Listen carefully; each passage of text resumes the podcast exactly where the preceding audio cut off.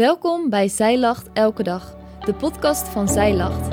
Mijn naam is Femke.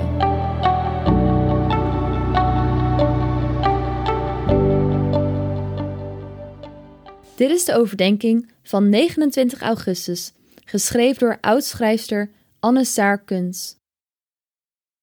Een tijdje geleden moest ik afscheid nemen van een goede vriend. Ik had een periode met hem opgetrokken, maar nu scheiden onze wegen. Af en toe hebben we nog contact. Laatst bedacht ik me: wat heeft hij aan mij overgehouden? Wanneer hij nog eens aan me denkt, wat denkt hij dan? Het is misschien een vraag die jij jezelf ook wel eens stelt. Misschien zijn wij als vrouwen daar ook wel soms te druk mee bezig. Wat denkt diegene van mij? Maar toen ik daarover nadacht, bedacht ik me: wat wil ik dat iemand over mij denkt? Waar draait het ten diepste om? Ben ik een vrouw naar Gods hart? Een tijdje mocht ik in een politiek werken en op een dag sprak ik met een Kamerlid over dit thema. Een kwetsbaar en persoonlijk onderwerp dat alle facetten van het leven raakt. Hij vroeg mij: Wat wil je dat mensen aan je overhouden? Of anders gezegd, wat is jouw legacy? Mag ik het, voor we verder gaan, aan jou vragen? Wat wil je dat mensen over jou denken?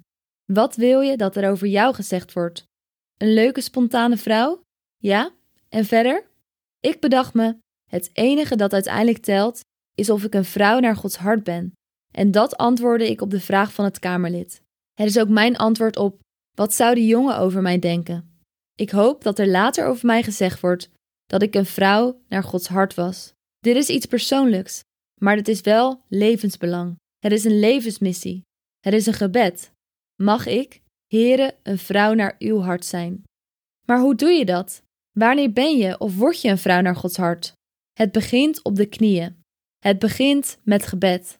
Ik moest denken aan Salomo. De geschiedenis van Salomo zat nog vaag in mijn geheugen. Maar toen ik de Bijbel opensloeg en op zoek ging naar het verhaal, raakte het me. Boven 1 Koningen 3 staat namelijk: Salomo bidt om een wijs hart. Ik vind deze geschiedenis zo ontroerend.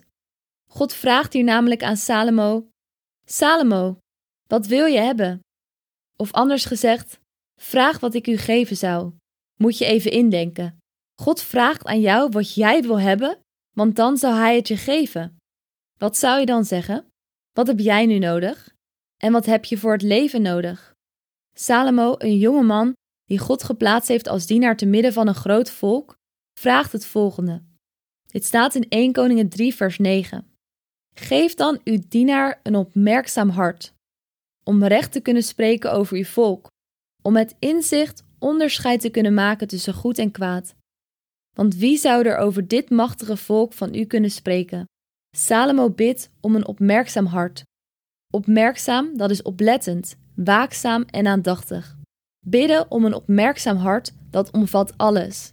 Eerder in de geschiedenis zegt God tegen Samuel: Het gaat niet om wat de mens ziet, want de mens kijkt naar het uiterlijk, maar God God kijkt naar het hart. God ziet het hart. God ziet je hele leven. Al je gedachten, al je vragen, al je pijn en al je noden.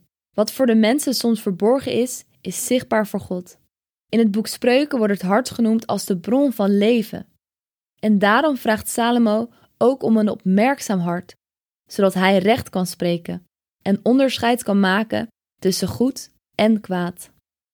Nog even terug naar de vraag van net. Als God aan je zou vragen wat je wilt hebben, wat zou jij dan vragen? Wat is van waarde? Of liever gezegd, wat is van eeuwigheidswaarde?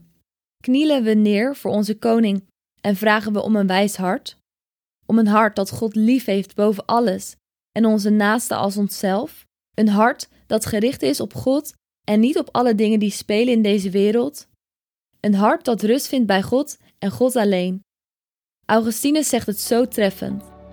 Onrustig is ons hart, totdat het rust vindt bij U, o God.